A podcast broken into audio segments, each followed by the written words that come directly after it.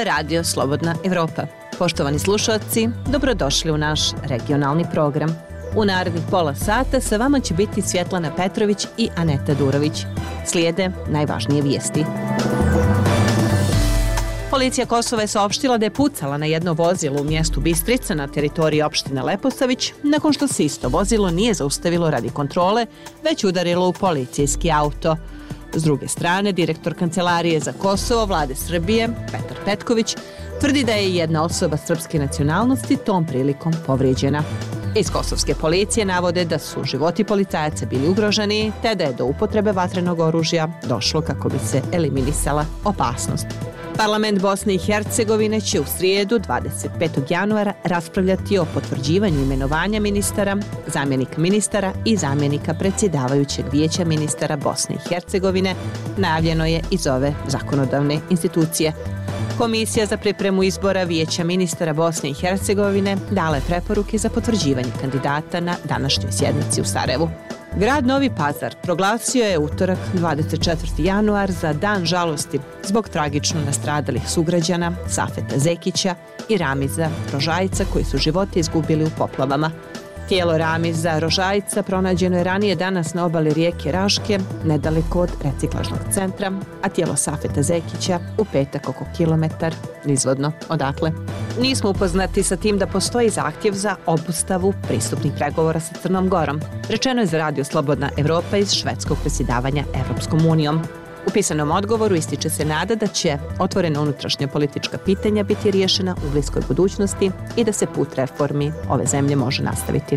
Ministarka spoljnih poslova Njemačke, Ana Berbo, rekla je da neće stajati na putu Poljskoj ukoliko bi ona poslala tenkove Leopard 2 u Ukrajinu. Ukrajina je pozvala Zapad da obezbijedi tenkove njemačke proizvodnje, za koje kažu da će im pomoći da pobjede Rusiju. Njemačka tek treba da obezbijedi oklopne vozila, a njeni zakoni o izvozu sprečavaju druge zemlje da pošalju svoja. U nastavku emisije čućete šta analitičar Bodo Weber kaže o aktualnom predlogu za Kosovo. Zaista je teško pocijeniti da li je zaista tu sad na dijelu neka dinamika, neki plan koje barata sa nekim rokovima koji su odrećenim značajnim političkim kontekstom i međunarodnim ili je to samo pokušaj da se privole strane da dođe do nekog napuka. Čućete i koliko će povećanje zarada tražiti novinari tokom pregovora sa poslodavcima o novom granskom kolektivnom ugovoru. Radomir Kračković, predsjednik sindikata Medija Crne Gore. Pokrenuo E, pregovore sa poslodavcima o novom granskom kolektivnom ugovoru u kojem ćemo tražiti povećanje koeficijenata, odnosno zarada novinarima i medijskim radnicima za 15 do 20%. Ostanite sa nama.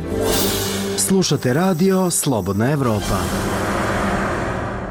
Ministri inostranih poslova zemalja članice Evropske unije na redovnom sastanku u Briselu danas su između ostalog raspravljali o političkoj krizi u Crnoj Gori izvještava Đeračina Tuhina. Ministri inostranih poslova zemalja članica Evropske unije na redovnom sastanku raspravljaju i o krizi u Crnoj Gori. Kako je najavljeno, izveštaj će na sastanku podneti ministri inostranih poslova Slovenije Tanja Fajon i njen austrijski kolega Aleksandar Schallenberg, koji su u decembru posjetili Crnu Goru u ime visokog predstavnika Evropske unije Josepa Borela. Šefica diplomatije Tanja Fajon Namreč za hudo um, institucionalno i politično krizu. Radi se o ozbiljnoj institucionalnoj i političkoj krizi u državi. Procedure su tekle glatko što je bilo ohrabrujuće i sada čekamo do početka februara da država to zaključi uspešno. Od toga zavisi rezultat, to jest legitimnost predsjedničkih izbora koji su najavljeni za mart i najverovatnije za prevremene parlamentarne izbore, naglasila je Tanja Fajon u oči sastanka. Hrvatski ministar inostranih poslova Gordan Grlić Radman je također najavio da će i on govoriti o stanju u Crnoj Gori u svetlu njegove nedavne posete tamo. I urge uh, to take our seriously our Pozivam Crnu Goru da ozbiljno shvati našu i evropsku poruku o funkcionisanju Ustavnog suda i spornog zakona o predsjedniku. Potrebna nam je stabilna Crna Gora i jasno orijentisana ka evropskim vrednostima i nadamo se da će Crna Gora prevazići političku krizu i nastaviti svoj evropski put, poručio je Grlić Radman. Evropski zvaničnici ističu da su nedavne posete ministara inostranih poslova Austrije i Slovenije Podgorici bile veoma uspešne, te da su crnogorski političari dobili, kako su naveli, jasnu poruku da se trenutna situacija jedino može rešiti ustavnim sredstvima. Ovi zvaničnici su naglasili da postoji mogućnost izbora dvoje sudija Ustavnog suda kako bi se stvorili preduslovi za slobodne i fair izbore. Đeračina Tuhina, Radio Slobodna Evropa, Brisel. U Crnoj Gori danas se obilježava dan novinara, a iz ugla sindikata medija najveći problem crnogorskih novinara je ekonomski položaj. Predsjednik sindikata medija Crne Gore, Radomir Kračković, za Radio Slobodna Evropa kaže da više od polovine novinara prima platu manju ili na nivou državnog prosjeka. Razgovarala Lela Šćepanović. E, iz ugla sindikata medija upravo najveći problem je ekonomski položaj novinara s obzirom da Svi podaci iz naših istraživanja pokazuju da preko polovine novinara i medijskih radnika u Crnoj Gori primaju platu koja je manja ili na nivou prosječne od nešto preko 700 eura.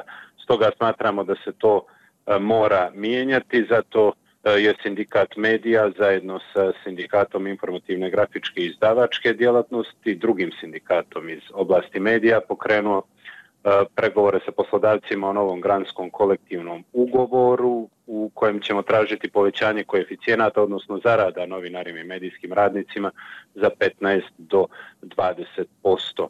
Pored ekonomskog položaja, naravno, višegodišnji problem novinara u Crnoj Gori su česte prijetnje i napadi na novinare. Sindikat medija je tokom prošle godine registrovao 21 takav slučaj, što pokazuje da E, su novinari u Crnoj Gori i dalje na meti, to novinari iz različitih medija sa različitim uređivačkim e, politikama, pa je generalno e, dakle u problemu cijela novinarska profesija, takođe ni raniji teški slučajevi napada na novinare i dalje nisu rasvjetljeni, pored najava da bi se to moglo desiti, dakle sve su to neki glavni problemi koji opterećuju novinarsku zajednicu u Crnoj Gori, koja također treba da radi i na poboljšanju profesionalnih standarda ukoliko želimo da imamo profesionalno, objektivno i istinito novinarstvo.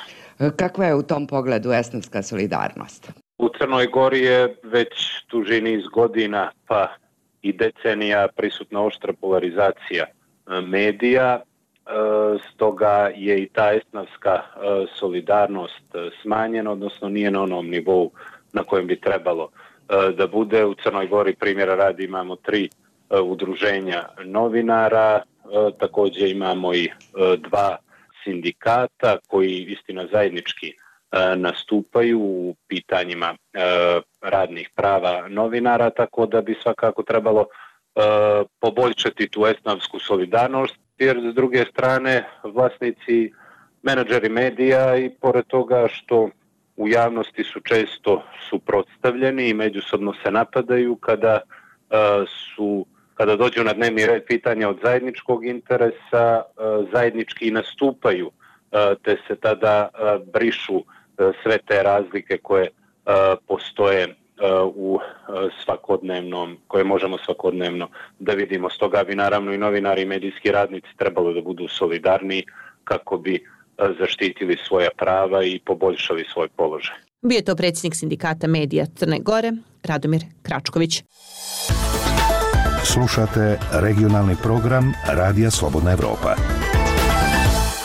Najveća mana aktuelnog predloga Zapada za normalizaciju odnosa Kosova i Srbije je što se o njemu razgovara iza zatvorenih vrata, kazao je za Radio Slobodna Evropa Bodo Weber, viši saradnik Savjeta za politiku demokratizacije iz Berlina.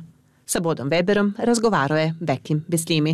To je sad pitanje procjene da li je taj predlog zaista idealan Mislim, pošto je puno toga što stoji iza predloga, osim detalje, nije objašnjeni od strane međunarodnih aktera, tako na primjer do sad nikad nije objašnjeno zašto se sad ide na jedan sporazum koji niže onoga što ima, kad zvanično imamo politika i pristup Europske unije međunarodne zajednice pola decenije, to jeste pregovor o konačnom sporazumu, onda se zaista postavlja pitanje zašto se išlo na takav jedan međusporazum, zašto se sentendent na to i za toga ostaje otvorena pitanje da li to onda zaista dobro osnovu za neki sporazum i zaista neki proboj. Pitanje vremenskog eh, roka čini se da opet nejasno. Eh, svi se sjetimo da je nekad eh, prije par mjeseci bio u opticaj neki rok do februara ili do aprila onda međunarodni predstavnici od SKA pa, pa nadali do Lajčaka su neki način relativizovali te neke rokove, ali sa nekom pokušajem insistiranja, forsirane da, da, da dođe do nekog sporazuma ove godine, tako da sve dok nisu jasni javni pozadina ovog pristupa, zaista je teško pocijeniti da li je zaista tu sad na dijelu neka dinamika, neki plan koji zaista barata sa nekim rokovima koji su određenim značajnim političkim kontekstom i međunarodnim ili je to samo pokušaj da se privole strane da dođe do nekog brzog napretka. Zanima vas što se dešava u regiji? Sve možete naći na slobodnaevropa.org. Nezavisna Međunarodna komisija za Ukrajinu je tokom jednogodišnjeg mandata utvrdila da su na području Ukrajine počinjeni ratni zločini, kršenje ljudskih prava i međunarodnog humanitarnog prava, te da su ruske oružene snage odgovorne za ogromnu većinu identifikovanih kršenja. Kako u intervju za Radio Slobodna Evropa kaže članica komisije Jasminka Džumhur, ruske snage su privodile ljude, a neki su nezakonito deportovani na teritoriju Rusije. Registrovan je i određeni broj zločina nad djecom, uključujući i seksualna zlostavljanja. Komisija će u martu podnijeti izvještaj o tome šta je utvrdila Ukrajini nakon godinu dana ruske agresije na tu državu. Razgovarala Dženana Karabegović. Šta je tačno utvrdila nezavisna međunarodna istražna komisija za Ukrajinu do sada?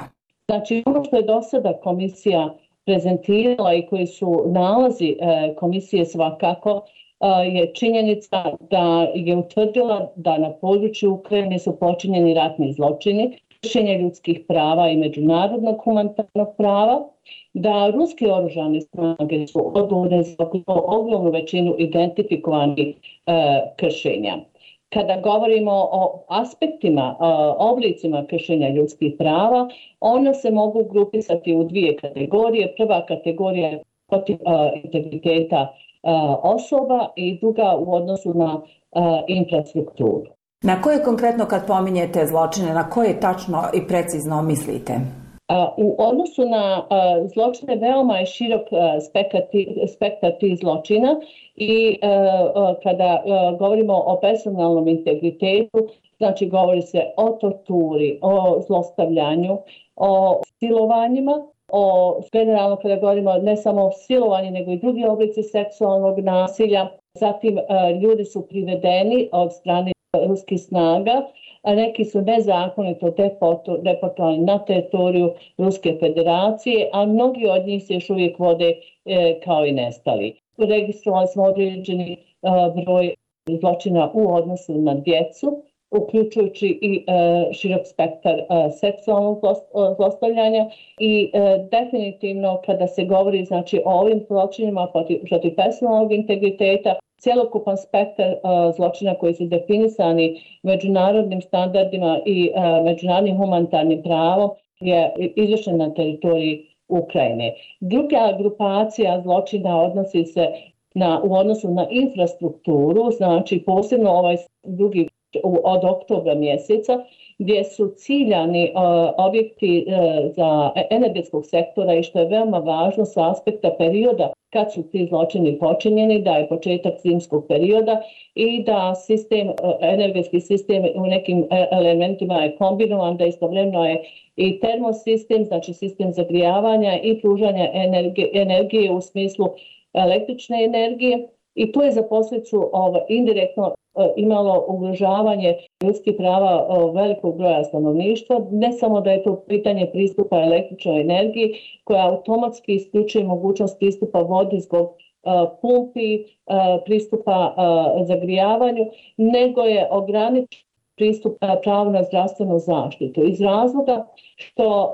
mnoge škole su fizički uništene, a što je prevenirao da djeca idu o, fizički u školu i sam COVID je doprinio da se razvila online pristup nastavi i o, o, prekidom napajanja električnom energijom, djeci je onemogućeno obrazovanje iz, e, e, i, i, i pristupom, isto i sa zdravstvenom zaštitom.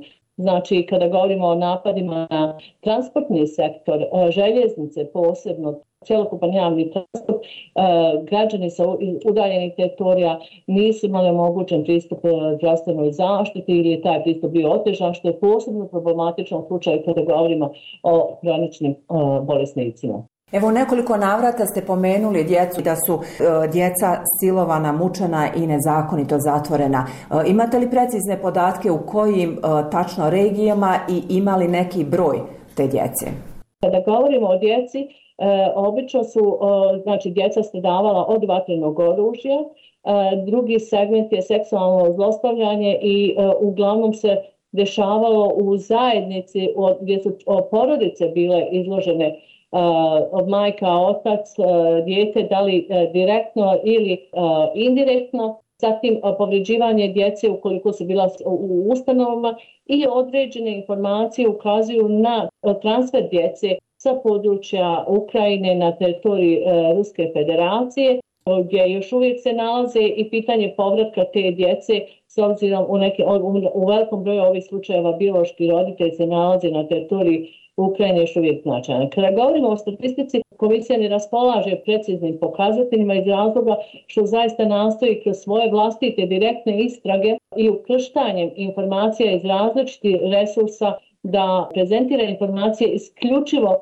na bazi informacija iz direktnih i zbog čega sve ono što je prezentirano u izveštaju generalno skupštini i ono što bude prezentirano vijeću za ljudska prava u martu je rezultat direktnog rada na terenu komisije. U, naravno u komparaciji sa a, potrebom a, tih informacija iz drugih izvora. Jeste li se suočavali, imate li neke podatke vezano za pogubljenje ukoliko ih je bilo u tom periodu u kome ste istraživali? Određeni naši slučajevi e, koji su istraženi, koji se istražuju ugovore o ovaj, e, pogubljenjima, Na ovim e, slučajima još uvijek se razi, radi analitički dio kako bi se u potpunosti dobila informacija o onome što se dešavalo. Koja će dalja uloga biti komisije? Mandat komisije e, jednogodišnjice završava u martu prezentacijom izvještaja, nakon čega Vijeće za ljudska prava će zauzeti stav da li će taj mandat biti obnovljen za još jednu godinu ono što je e, bitno da sve dokumentacije i informacije koje komisija raspolaže će biti korištena na način kako je to utvrđeno rezolucijom i kako je dosadašnja praksa bila u radu drugih komisija. Sa Jasminkom Džumhur razgovarala Dženana Karabegović. Dnevno et RSE. Pregled regionalnih i svetskih događaja dana. Američke vlasti najavile su da će ruska plaćenička grupa Wagner biti označena kao transnacionalna kriminalna organizacija, zbog toga što je do početka rata u Ukrajini delovala kao instrument ruske moći u desetinama država, pišu svetski mediji. Sjedinjene američke države će Wagner grupu, za koju se veruje da ima hiljade plaćenika u Ukrajini, označiti kao transnacionalnu kriminalnu organizaciju, prenosi BBC. Bela kuća je saopštila da će ove nedelje uvesti nove sankcije toj grupi i njenoj mreži podrške. Nova oznaka Wagnera, kako navodi britanski javni servis, omogućit će američkoj vladi da primeni šire sankcije protiv te paravojne grupe, koja je između ostalog delovala u Siriji, Libiji i Centralnoafričkoj republici. Portparol za nacionalnu bezbednost John Kirby rekao je novinarima 20. januara da je Wagner odgovoran za zverstva i kršenja ljudskih prava u Ukrajini i na drugim mestima. Kirby je rekao da se sada u Ukrajini nalazi oko 50.000 plaćenika Wagnera, od čega je oko 40.000 regrutovano iz ruskih zatvora. SAD ocenjuju da se povećavaju tenzije između Ruskog ministarstva odbrane i Wagnera, kako se ruski predsjednik Vladimir Putin sve više oslanja na Wagner u izvođenju operacija u Ukrajini, ističe CNN. Wagner postaje rivalski centar moći ruskoj vojsci i drugim ruskim ministarstvima, rekao je Kirby. Šef Wagner grupe Evgenij Prigožin žali se da je Rusko ministarstvo odbrane omelo ratne napore i da bi Wagnerovim borcima trebalo dati više opreme, ovlašćenja i autonomije u izvođenju operacija u Ukrajini. Posle prvog pojavljivanja u Ukrajini 2014. godine, Wagner je stekao reputaciju kao nemilosrdni instrument ruske moći u Senci, koji je optužen za kršenje ljudskih prava u Siriji, Maliju, Centralnoafričkoj republici i Ukrajini, piše Washington Post. Prigožin je proveo devet godina u zatvoru zbog pljačke i drugih kriminalnih dela pre nego što je u postsovjetskom Sankt Peterburgu, gde je upoznao Putina, imao štand za hot dog, kazina i restoran. Nakon što je godinama radio u Senci, Prigožin je u Rusiji postao javna ličnost posle invazije na Ukrajinu, navodi list, dodajući da je, prema američkim obaveštenim podacima, svoje žalbe na rusku vojsku izneo i lično Putinu. Sam Wagner je izrastao prošle godine u veliku silu na bojnom polju, pošto je Putin Prigožinu dozvolio da regrutuje osuđenike direktno iz ruskih zatvora, ističe Washington, dodajući da je plaćenička grupa mesecima vodila brutalnu bitku protiv ukrajinskih snaga oko Bahmuta, dok je nedavno ostvarila uspehe u toj oblasti u gradu Soledaru. Kirby je u petak rekao da će nova oznaka Wagnera otvoriti dodatne puteve, da SAD prate poslovne aktivnosti te grupe širom sveta, ali i da će drugim zemljama i institucijama dati mogućnost da slede primer Vašingtona.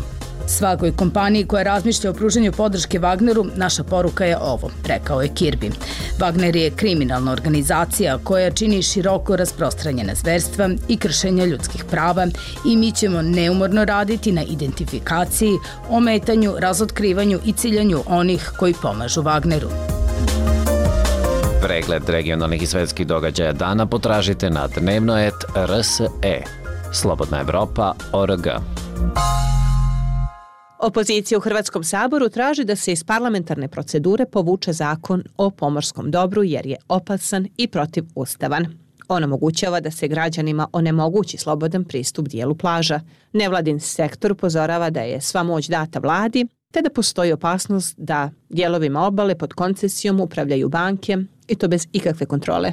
Prepremio Enis Zebić. 11 oporbenih klubova zatražilo je na konferenciji za novinare povlačenje iz procedure prijedloga zakona o pomorskom dobru i morskim lukama, tvrdeći da će omogućiti privatizaciju dijela plaža na Jadranu, da je nedorečen i protoustavan. Ovo je zakon opasnih namjera, kazala je Ivana Kekin iz Zeleno-lijevog bloka. Dakle, radi se o zakonu koji, promovirajući koncesioniranje kao model upravljanja plažama, zapravo dovodi do toga da ono što je bilo svačije postane nečije.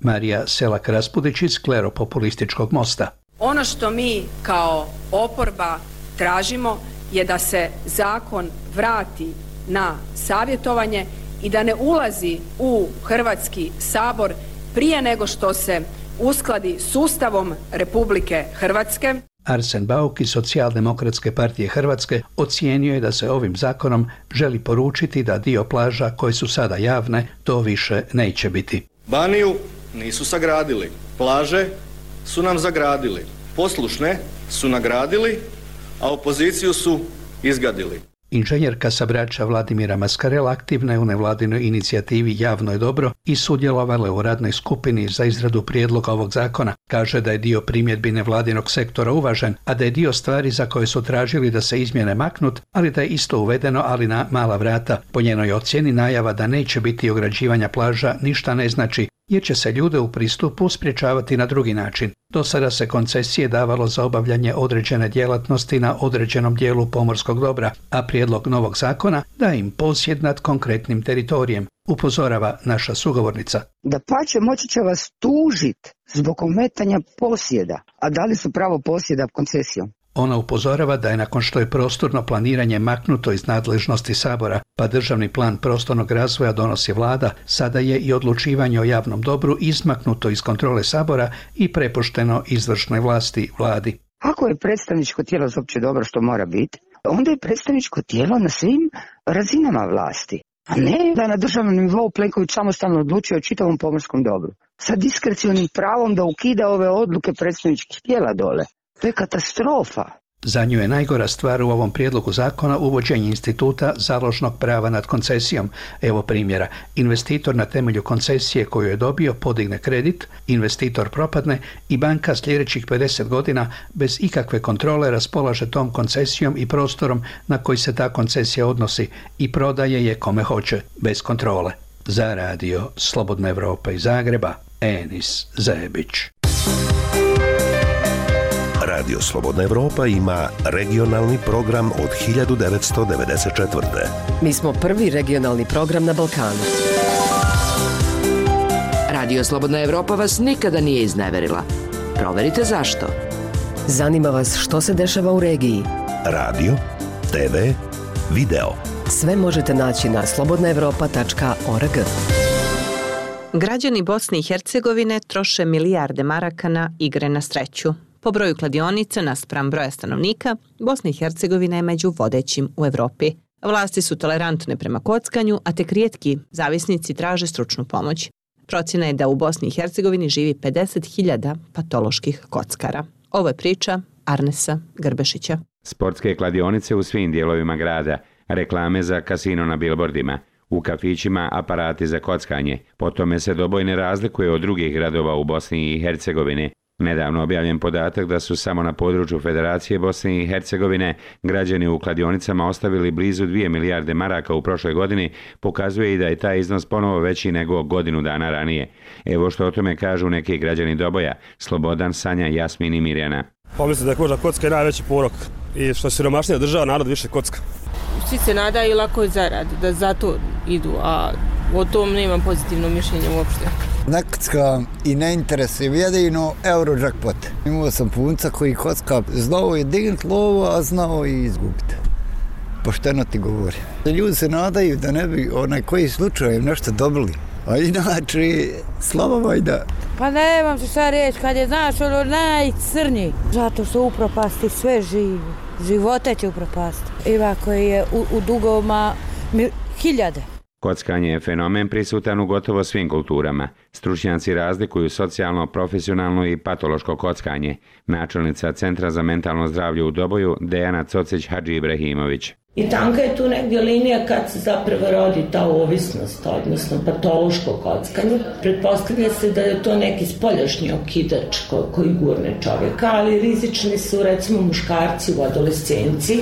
Kažu da muškarci ovaj, kockaju uvijek u grupama i ranije započinju a žene kockaju same krišom i one kasnije počinju negdje oko 40. godina života. Ta negdje dostupnost, dostupnost svega mislim da ima velikog utjecaja.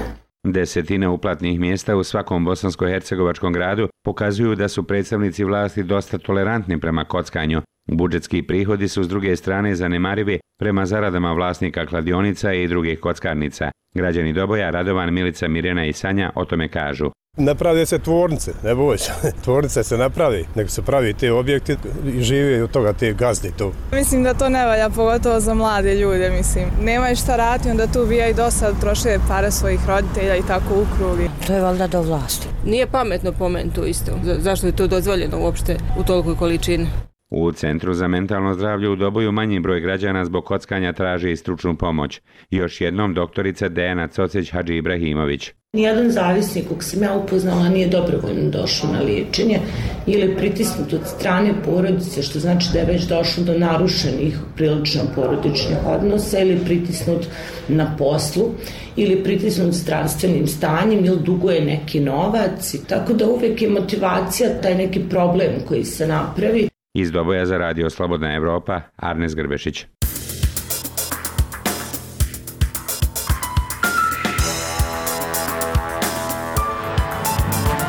Poštovani slušalci, bilo je to sve u regionalnom programu Radio Slobodne Evrope. Nove epizode naših podcasta pronađite na Spotify, Google podcastima, iTunesu kao i na našem sajtu slobodnaevropa.org. Sa vama su u prethodnih pola sata bile Svjetlana Petrović i Aneta Durović. Do slušanja.